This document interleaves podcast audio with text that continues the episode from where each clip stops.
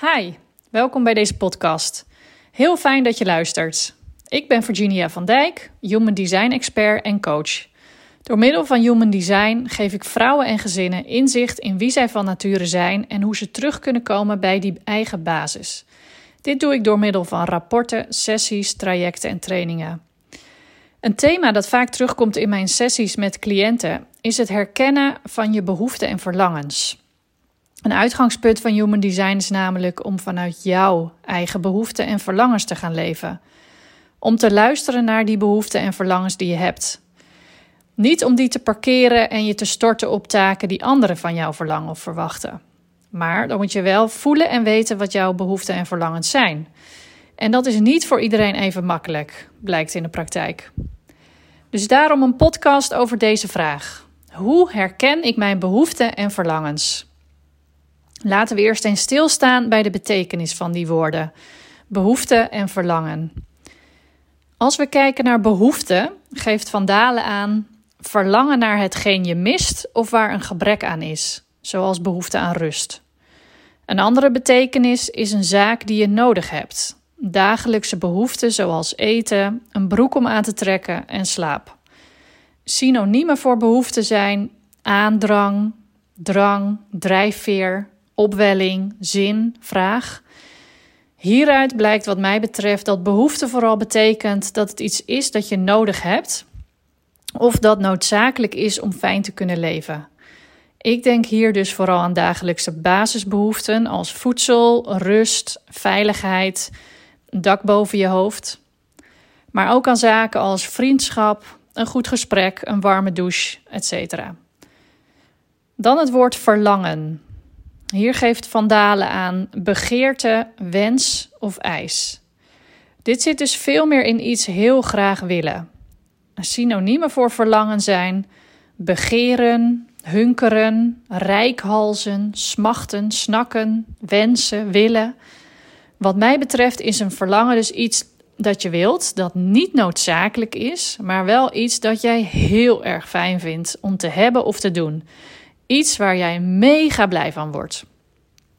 Als we dus spreken over behoeften en verlangens, gaat het dus om zaken die enerzijds noodzakelijk zijn en anderzijds uh, om zaken die niet noodzakelijk zijn, maar wel erg prettig.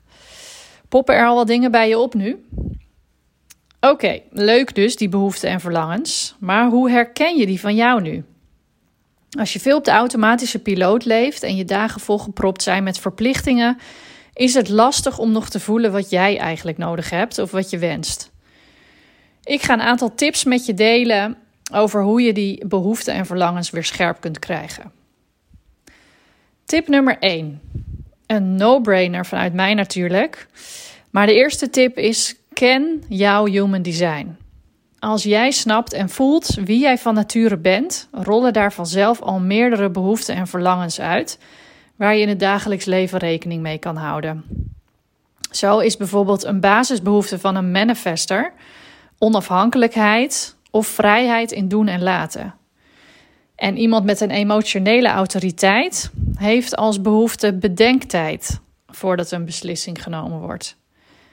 En iemand met een profiel 1-3 heeft behoefte aan diepgaande kennis, etcetera, etcetera. Human Design geeft echt heel veel duidelijkheid over jouw uh, diepgaande behoeften en verlangens. Tip nummer 2. Ga meer leven vanuit je lijf in plaats van vanuit je hoofd. Want je hoofd gaat je namelijk niet helpen bij het identificeren van die behoeften en verlangens. Die brengt je daar over het algemeen alleen maar verder vanaf. Je lijf geeft je daarentegen, als je goed oplet, feilloos aan wat je nodig hebt. Voel je je moe? Dan heb je behoefte aan rust. Heb je een opgeblazen buik na het eten? Dan heb je behoefte aan ander voedsel dat makkelijker te verteren is voor jou. Zie jij een plaatje voorbij komen van een gave jas op internet en begin je te glimlachen en ja te knikken? Nou, dan verlang je dus naar deze mooie jas. Vraagt een vriendin of je mee gaat borrelen en spring je op uit je stoel van enthousiasme? Dan heb je behoefte aan gezelligheid. En ga je naar je werk en voel je een knoop in je maag? Dan verlang je naar iets anders. dan naar je werk gaan of naar dit werk gaan. Dus ga eens letten op die signalen in je lijf. Scan je lijf dagelijks op spanningen, gevoelens en signalen. Dit kun je bijvoorbeeld doen door middel van een bodyscan of een andere meditatie. Of door simpelweg even bij jezelf in te checken op een rustig moment. Hoe voel ik me eigenlijk? Wat voel ik in mijn lijf? Tip nummer drie. Kijk eens naar andere mensen om je heen of op social media. Op wie ben jij stiekem jaloers? Wiens leven zou jij wel willen hebben? En waarom dan? Welke behoefte of welk verlangen zit daarachter? Jaloezie is een supergoede indicator dat je zelf iets mist of dat je ergens naar verlangt. Onderzoek voor jezelf eens waar die jaloezie in zit, waar het vandaan komt. Tip nummer 4. Stel jezelf de vraag wat je zou doen als alles mogelijk zou zijn.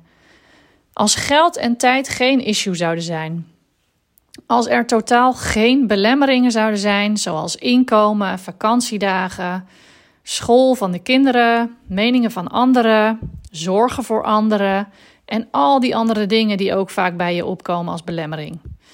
Als alles zou lukken en zou kunnen, wat zou je dan doen? Hoe zou je leven er dan uitzien? En wat voor werk zou je doen? Door te dromen krijg je ook duidelijk waar je behoeften en verlangens zitten. Tip nummer 5. Reflecteer s'avonds op hoe je dag is verlopen. Wat heb je allemaal gedaan? Welke, en welke behoeften en verlangens kwamen er vandaag op? Heb je ze herkend op het moment zelf of herken je ze nu pas aan het eind van de dag? Heb je er naar gehandeld? Uh, het is goed om tijdens de reflectie eens scherp te krijgen waar die behoeften zaten. En, want alles begint met bewustzijn. Tip nummer 6. Maak een hell yes list. Wat zijn de dingen die jou mega blij maken? Waar kun jij intens van genieten? Als de mening van een ander er niet toe zou doen, wat zou jij dan schaamteloos doen?